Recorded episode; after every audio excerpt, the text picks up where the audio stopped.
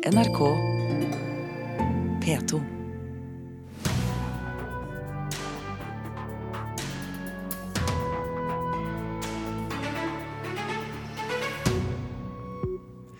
Fin utstilling, men ikke så mye nytt å lære om Munch, sier vår kritiker om Knausgårds Munch-utstilling.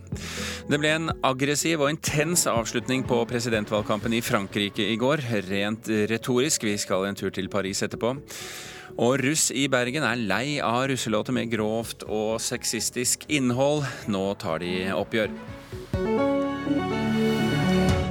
Ja, dette er saker i uh, Kulturnytt her i Nyhetsmorgen, hvor du også skal få en samtale mellom meg og Tora Augestad, denne sangerinnen som uh, holder konsert uh, i dag. Jeg håper dette blir tidenes utstilling for Munch-museet. Det sier museumsdirektør Stein Olav Henriksen om den nye utstillingen kuratert av Karl Ove Knausgård. Knausgård selv måtte tygge seg gjennom en god dose angst før han nå på lørdag kan åpne utstillingen med glede og lave skuldre. Det har først og fremst vært veldig lystfullt, også, må jeg si. Det har vært veldig gøy et, en periode på et år cirka, med jobbing. Og så har det vært en periode med total angst over at dette kommer til å gå til helvete og bli forferdelig og sånt. Og så, når det endelig kom opp på veggen forrige uke, så, så syns jeg at det var veldig nærme sånn som jeg hadde tenkt meg det utgangspunktet. Da, da, da roer det seg litt ned, da. Men, men, man kan jo aldri vite. Og det, og det, handler også om Når man viser ukjente ting, så, så vet man ikke helt. ikke sant? Og det er hele poenget. Hvorfor har de vært nede i magasinet i 40 år? Kanskje ikke det er god nok? ikke sant? Sånne ting. Men det er veldig spennende, da, for da står man overfor et bilde av Munch som man faktisk ikke vet hva man skal tenke om. Og det er der Munch befant seg når han malte de, når de første menneskene så de. Det var gjerne dit du skulle liksom forsøke å iallfall nærme uh, denne utstillinga. Hva tror du selv er appellen med denne utstillingen? Det er Munch, uh, en kunstner som, uh, som er en hva skal jeg si, altså som, som er en ekstremt uh, umiddelbar, direkte kunstner som alle kjenner til. ikke sant? Og så har han også sider som, som, uh, som ikke vi kjenner til, som kommer fram på den utstillinga her. da. Men, men, det er veldig direkte. Det appellerer veldig direkte til, til, uh, til oss, rett og slett. Jeg har også skrevet en bok om Munch, og det handler veldig mye om hvem er Munch nå, hvorfor er han relevant nå? Altså, det, er jo, det er jo 100 år siden han malte mange av disse bildene. Hva er det i de? Jo, det er, de er fortsatt handler om det menneskelige. De er veldig, veldig sterke og veldig gode og, og veldig relevante. Direktør ved Munchmuseet Stein Olav Henriksen. Eh, vil dette bli eh, tidenes besøk, tror du? Det får vi håpe. Jeg tror i alle fall at eh, utstillingen har potensial til å nå ut til veldig mange. Nå ut veldig bredt.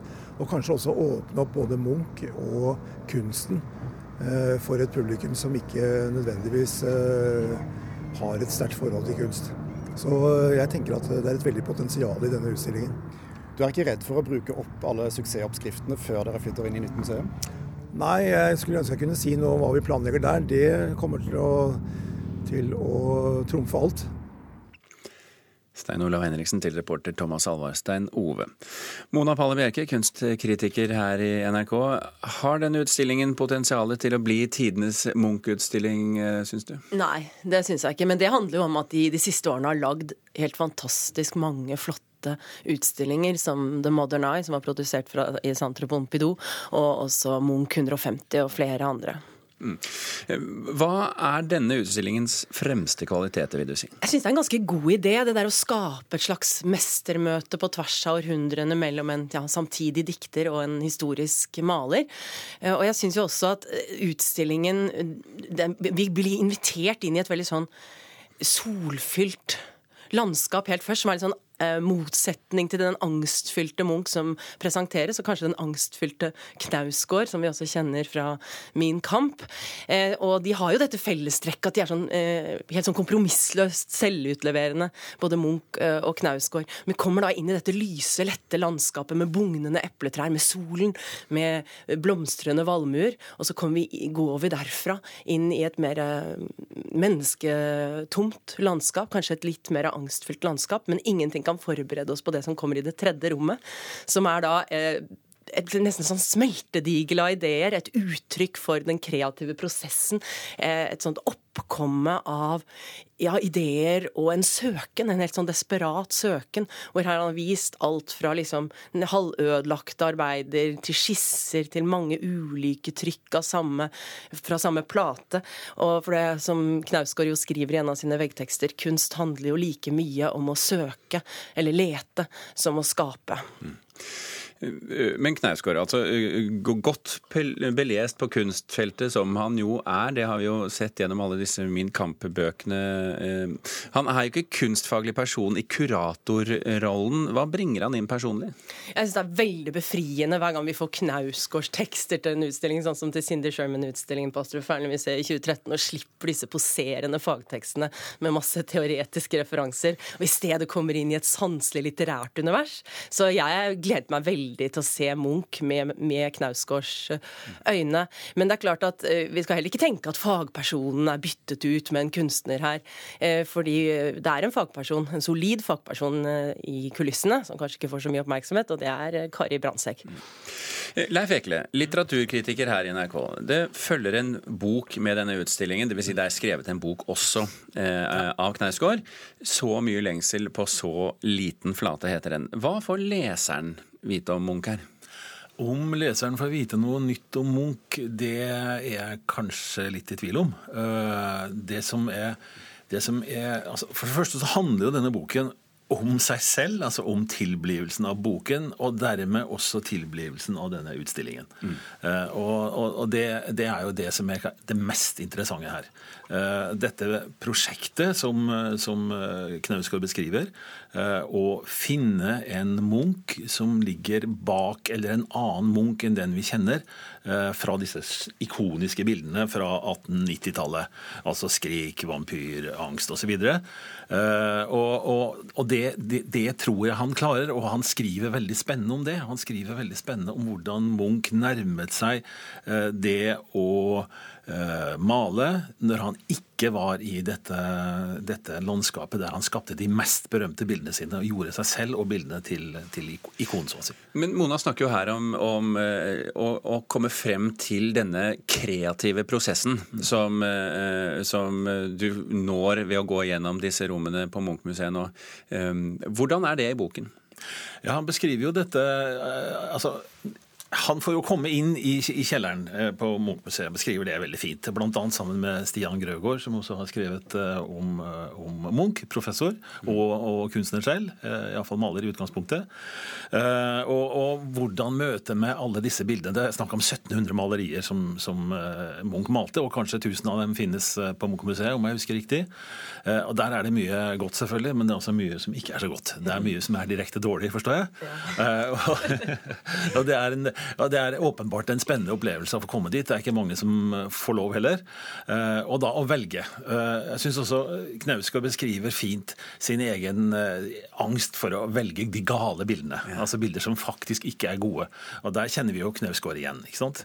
Men samtidig som han da prøver å si noe om når bilder er overfladisk gjort, hva, hva, hva kan hensikten ha vært da? Har det vært tidsfordriv, eller er det noe annet? En av de som har eh, trådd sine ungdomssko ned i den kjelleren med alle bildene, det er jo deg, Mona Palle Du, du, kjenner jo disse her. Vil du si at Knausgård har gjort et, et vettugt eh, utvalg? Det er et veldig godt utvalg. og det er jo sånn at Han viser en del bilder som, som ikke har vært vist eh, før. Eller noen, noen, enkelte bilder som ikke har vært vist før. Og en del som har vært vist veldig sjeldent for meg, som da har som du sier, jobbet i kjelleren der. Så har jo jeg vært og sett på en del av disse obskure bildene, skatter og skrot, som fins eh, der. Men jeg synes, det som jeg stusser mest over, det er at jeg syns liksom ikke de utnytter dette egentlig ganske fantastiske potensialet som ligger i ideen. Ved at de, de gir ikke nok plass plass til Knausgård i utstillingen. Du skulle hatt mer tekst, du. Mye mer tekst. Jeg savner, Det er bare et par-tre veggtekster. Jeg savner jo tekstuniverset til Knausgård. Jeg syns man kunne flettet sammen tekst og bilde her.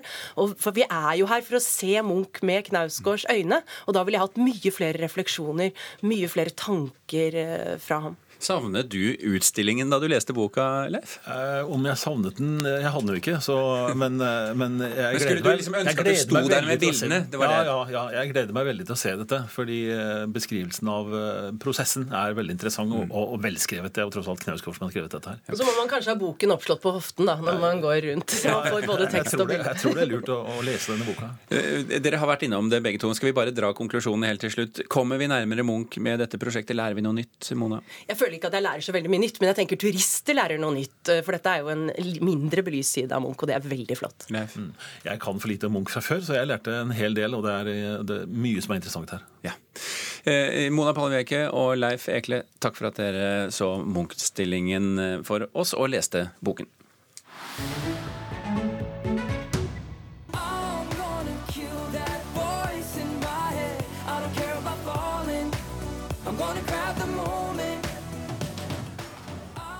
Dette er en låt eh, mange har fått med seg etter hvert. Det norske bidraget til Eurovision Song Contest. Guttene i Jost hadde sin første prøve på scenen i Kiev i går. eh, Og reporter Mari Sandmalm, du vet hvordan det gikk? du? Ja, forberedelsene til semifinalen neste torsdag, og forhåpentligvis finalen 13. mai, de er jo i full gang. Eh, Jeg var ikke der selv, men etter prøven så melder fansen og bloggerne som var der, eh, om begeistring for det norske bidraget. Ja, Det gjør jo fansen alltid, hadde vi nær sagt. Men det har jo vært mye uro rundt årets eh, finale, Mari. Både politisk og praktisk. Begynner ting å, å falle i rute nå? Det ser sånn ut. Vi snakket med den norske produksjonslederen Stig Karlsen, som følger Jost. Um, og han er imponert over at ting ser ut til å være på stell, og vi kan jo høre litt hva han sa. Vi var veldig spente når vi kom ned, fordi vi var jo klar over at det har vært uh, veldig mange utfordringer knytta til Eurovision Song Contest i år. Det har jo vært uh, bytte av ledelse og nøkkel nøkkelpersoner ganske tett opp mot arrangementet. Uh, vi, nå er vi her, og eh, dette ser ut til å gå veldig fint. Vi har fått på plass et veldig fint eh, arrangement, så det, det lover godt. Hva slags mottagelse har de norske gutta fått? Det er jo veldig bra. Eh, Nå er det jo eh, en stund til eh, arrangementet starter ordentlig, men det er jo eh, mye presse her og mye fans og sånne ting. Og det er, er jo stor oppmerksomhet rundt det. Det er jo veldig fine gutter vi har med oss og sånn, så det, det er en god connection der, altså. Hva må dere jobbe med nå fram mot semifinalen? Nei, vi eh, går inn og jobber liksom med bilderegi og lys og grafikk og artistens eh, fremtoning på scenen og sånn. Og så er det jo det er ikke vi som produserer, så det er jo selvfølgelig en utfordring å eh, kommunisere at det vi ønsker til et produksjonsapparat som også har 41 andre land som har eh, sine ønsker. Så det er jo litt en utfordring av de korte møtepunktene vi har gjennom disse dagene til å få gjort de forbedringene vi skal. Men det, det er en veldig profesjonell gjeng som jobber, så det, det skal nok gå veldig bra. Vi skal fra kollega Sine Tråls intervju med Stig Karlsen til TV 2 og TV Norge, som får refs av Medietilsynet, Mari. Hvorfor får de det?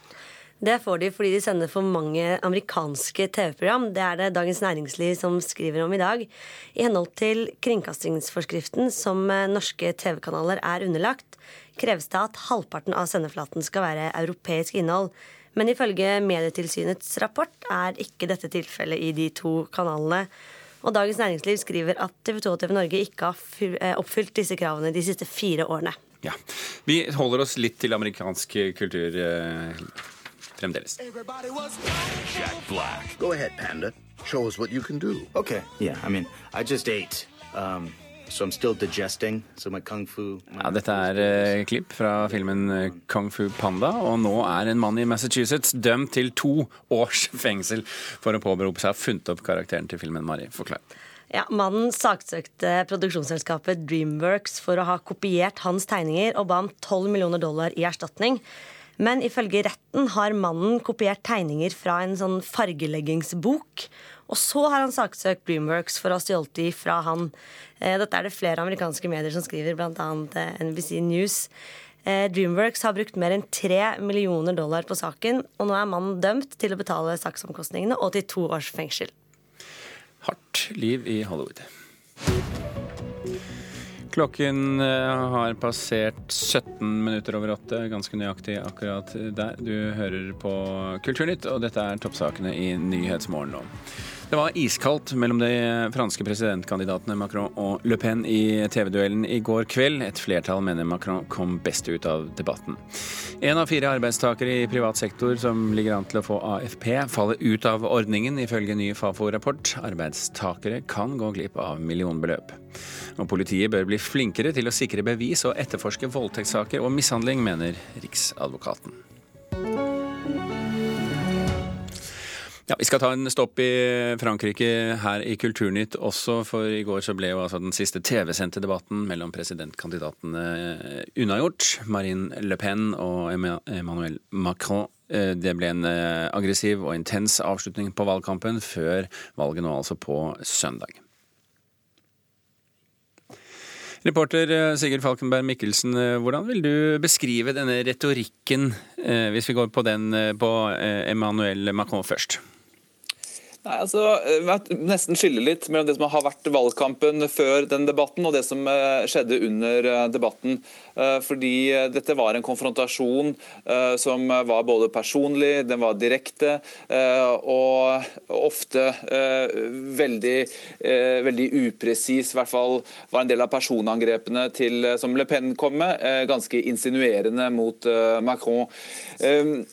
Macron har en stil som eh, er si, godt tilpasset det franske politiske eh, eh, vanlige klima. Han er ganske presis, veltalende, nøler ikke og, har på en måte språket han behersker det franske språk godt. Men, og det kom også fram i debatten i går, på tross av alt, altså, det er også noe der som gjør at han ikke har en sånn eh, direkte forbindelse til franskmenn. Det er som om det er en, en liten eh, distanse mellom han og folket, eh, som Marine Le Pen i en mindre grad har, eh, selv om debatten i går var, var veldig spesiell. Le Pen har vært tydelig på å skulle si, avsløre Macron som en forlengelse av dagens styrende Frankrike, noe hun vil gjøre opprør mot. Hvordan var hennes retorikk i den eh, kampen? Ja, det var jo en, en studie i hvordan de sendte disse ballene fram og tilbake i går, hvor eh, Macrons motangrep er jo at det er ikke han som er arvingen av systemet, det er hun. Hun kommer fra en familie, hun er sønn, eh, datter av eh, Jean-Marie Le Pen, altså et familiedynasti. Hun har mye penger, hun er arvtaker etter en høyere ekstrem tradisjon i Frankrike, mens Marine Le Pen da gjorde alt hun kunne for å knytte Macron opp ikke bare mot systemet, men særlig da opp mot den upopulære presidenten Francois Hollande. Du kalte han jo noen ganger monsieur le ministre, han var jo finansminister for Hollande, eller skal vi si rådgiver. altså veld, Veldig provoserende eh, hele veien, i et tonelag som, eh, som, som bare, det bare pågikk og pågikk og pågikk. Um, Uh, og uh, Hun klarte heller ikke å holde igjen sånn at debatten offisielt var over. uh, og Dette er en debatt som vanligvis har veldig sånn, strenge rammer, er veldig formelle rammer. Kan minne om en norsk politisk debatt på 1980-tallet. så klarte hun heller ikke da å, å holde seg, så hun slang ut dette med Francois Hollande helt på slutten. Men Sigurd, en så skarp retorisk debatt som det ble, ble det en god debatt følgelig?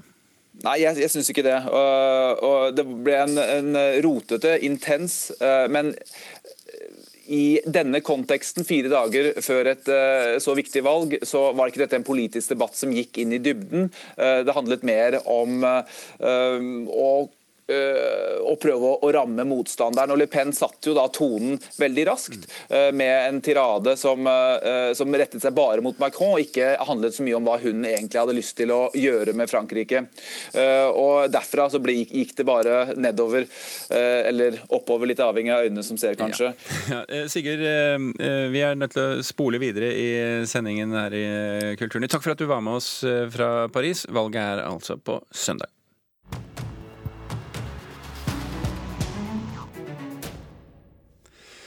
Flere av årets eh, russelåter har fått kritikk for grovt innhold og sexistiske tekster.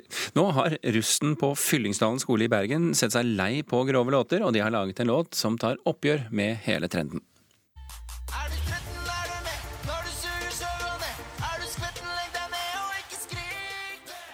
I år som i fjor har russelåtene fått mye oppmerksomhet for grovt innhold.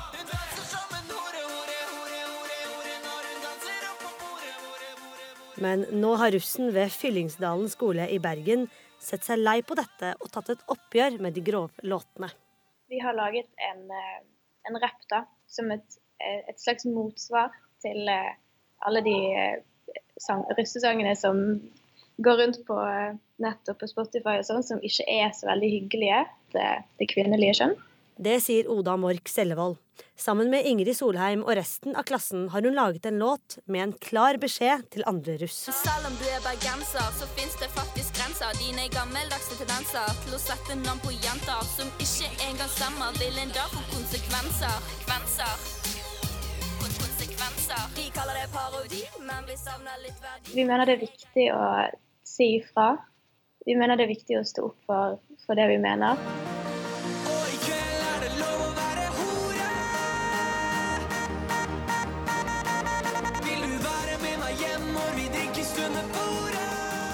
Det tar kvinnekamp et, et steg tilbake. Mm. Og så er det jo mange unge folk som hører på disse eh, sangene. Og deres oppfatning av hvordan en kvinne er, og hvordan man kan behandle kroppen til en kvinne, den blir kanskje litt sånn ja, vridd. Vær forsiktig når du leker med ord, for holdninger kan være farligere enn du tror. Greta Madsen er jentenes lærer. Det er hun som har tatt initiativ til låta, og hun mener det elevene gjør, er viktig. Jeg elsker jo det. Jenter spesielt reagerer på at dette går ikke lenger. Hva håper du at eh, låta kan bidra med, da? Diskusjon, reaksjon. At det er ikke bare Man kan ikke si hva man vil og komme unna med det. Og hvis man synger med, så i hvert fall vite hva man synger på. Vi savner litt verdi, det er greit at det er gøy og tull. Det er greit å feste og være full, men vær forsiktig når du leker med ord. For holdninger kan være farligere enn du tror.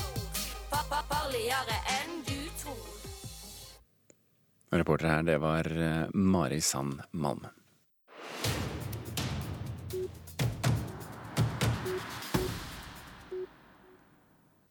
Tora Augestad er en av Norges fremste kabaretsangere. Til daglig bor hun i Berlin, hvor hun arbeider med noen av Europas ledende ensembler for moderne musikk. Men i dag så holder hun konsert i Oslo konserthus. Og velkommen til Kulturnytt, Tora Augestad. Tusen takk. Først av alt, Augestad, eh, hva er det du skal spille i dag, og hvorfor? I dag skal jeg være solist eh, i verket 'De syv dødssyndene' av Kurt Weil og Bertolt Brecht. Et eh, utrolig flott verk som eh, har Ja, det er et av mine yndlingsverk. Det er for mezzosopran, symfoniorkester og en mannskvartett. Og der er det noen av Norges beste mannlige sangere som er med. Så det tror jeg kommer til å bli en utrolig flott, flott konsert. Men hvorfor kom du på den ideen akkurat nå?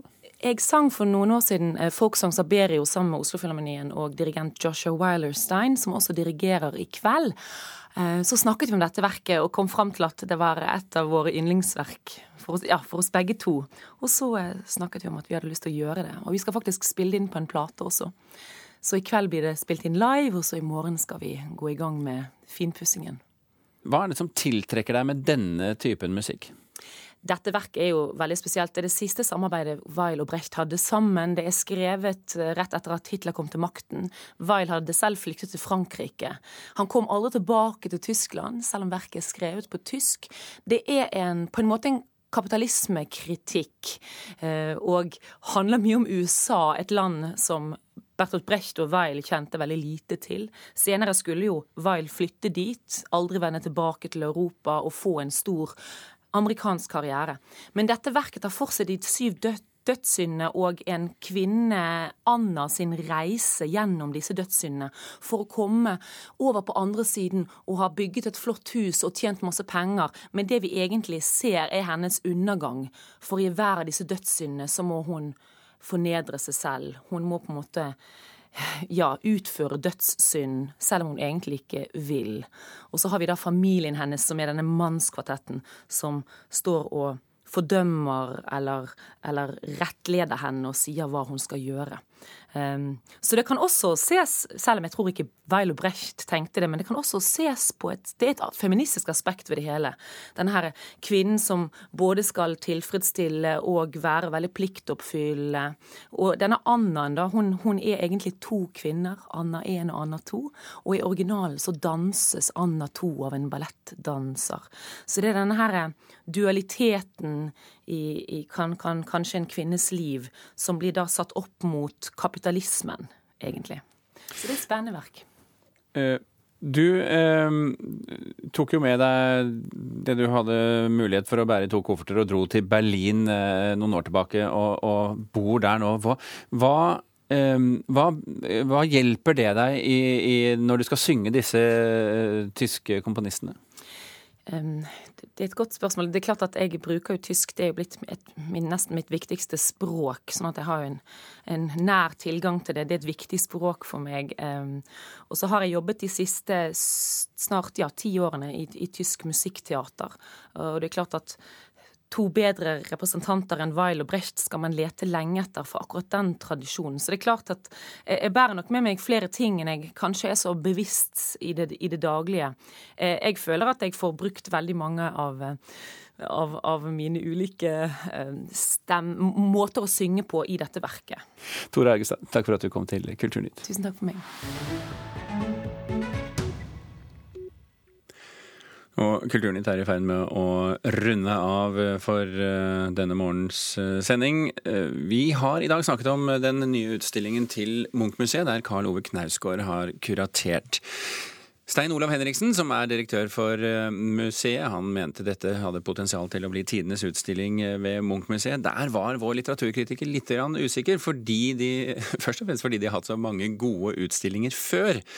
Hun mente at dette også var en fin utstilling, men kanskje ikke så veldig mye nytt å lære. Vår litteraturkritiker, derimot, som hadde lest boka til Knausgård, som altså er en parallell til denne utstillingen, han syns det var mer å lære og en interessant bok å lese. Den anmeldelsen ligger nå for øvrig på nrk.no kultur. Du kan lese den der. Mona sin kommer etter hvert. Thomas Alvar Stein Ove og Birger Kolsrud Jåsund takker for følget.